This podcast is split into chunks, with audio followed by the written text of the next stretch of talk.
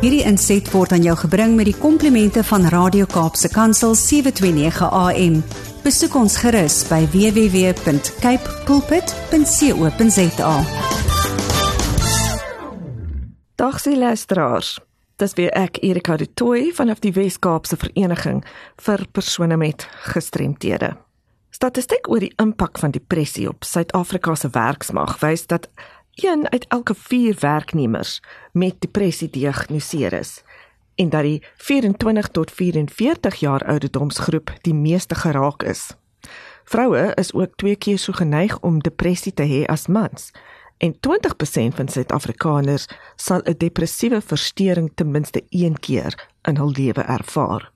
Die vraag vandag is Is daar genoegsame ondersteuningsstrukture beskikbaar vir werknemers met depressie? Geestesongesteldhede is iets wat alle mense met gestremthede raak. 'n Sleutel tot sukses vir enige mens wat depressie ervaar, is om so lank as moontlik produktief aan te hou werk, aangesien 'n besluit om te onttrek die gevoel van waardeloosheid kan verhoog. Daar is vele fisiese simptome van depressie, insluitend 'n oorweldigende gevoel van hartseer moegheid en lae eierwaarde. Die harde werklikheid is dat indien iemand nog nooit self depressie ervaar het nie of niemand ken wat dit al ervaar het nie, is dit moeilik om hom daarmee te vereensgewig en begrip te hê vir dit wat die betrokkene regtig beleef. Depressie kan elke greintjie van jou daaglikse lewe oorheers en die toestand moet met groot empatie hanteer en behandel word kollegas van iemand wat depressief is, behoort die betrokkenes te ondersteun en aan te moedig om die nodige ondersteuning te soek. Wees op die uitkyk vir die volgende tekens of simptome wat langer as wenslik by 'n betrokkene waarneembaar is. Moegheid, asook veranderinge in slaappatrone. Die persoon sal miskien te veel of te min slaap.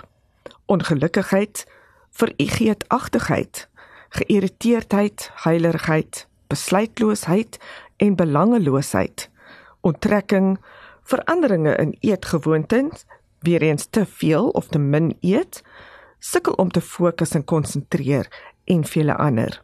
Depressie kan 'n werknemer se produktiwiteit, oordeel, samewerkingsvermoë en algemene werkprestasie regstreeks beïnvloed.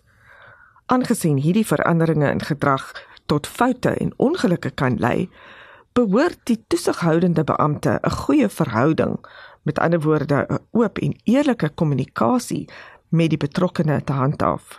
Toesighouers moet byvoorbeeld op die uitkyk vir die volgende gedragsveranderinge wees: verminderde produktiwiteit, afwesigheid, nalatigheid, swak gehalte van werk of dienste, uitstel van pligte, sperdatums wat nie nagekom word nie, sosiale onttrekking, verminderde belangstelling in werk, swak geheue, stadige bewegings en ook moegheid.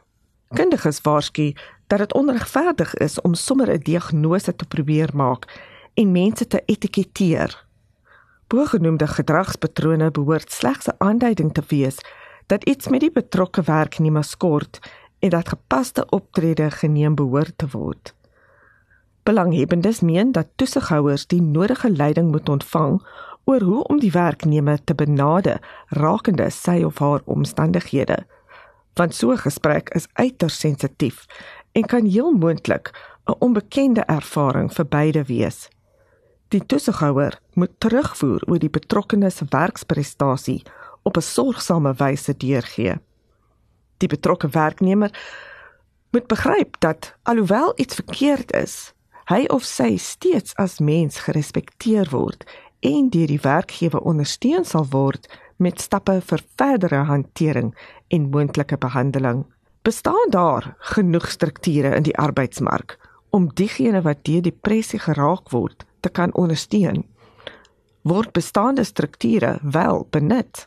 Word jy miskien regstreeks hierdeur geraak?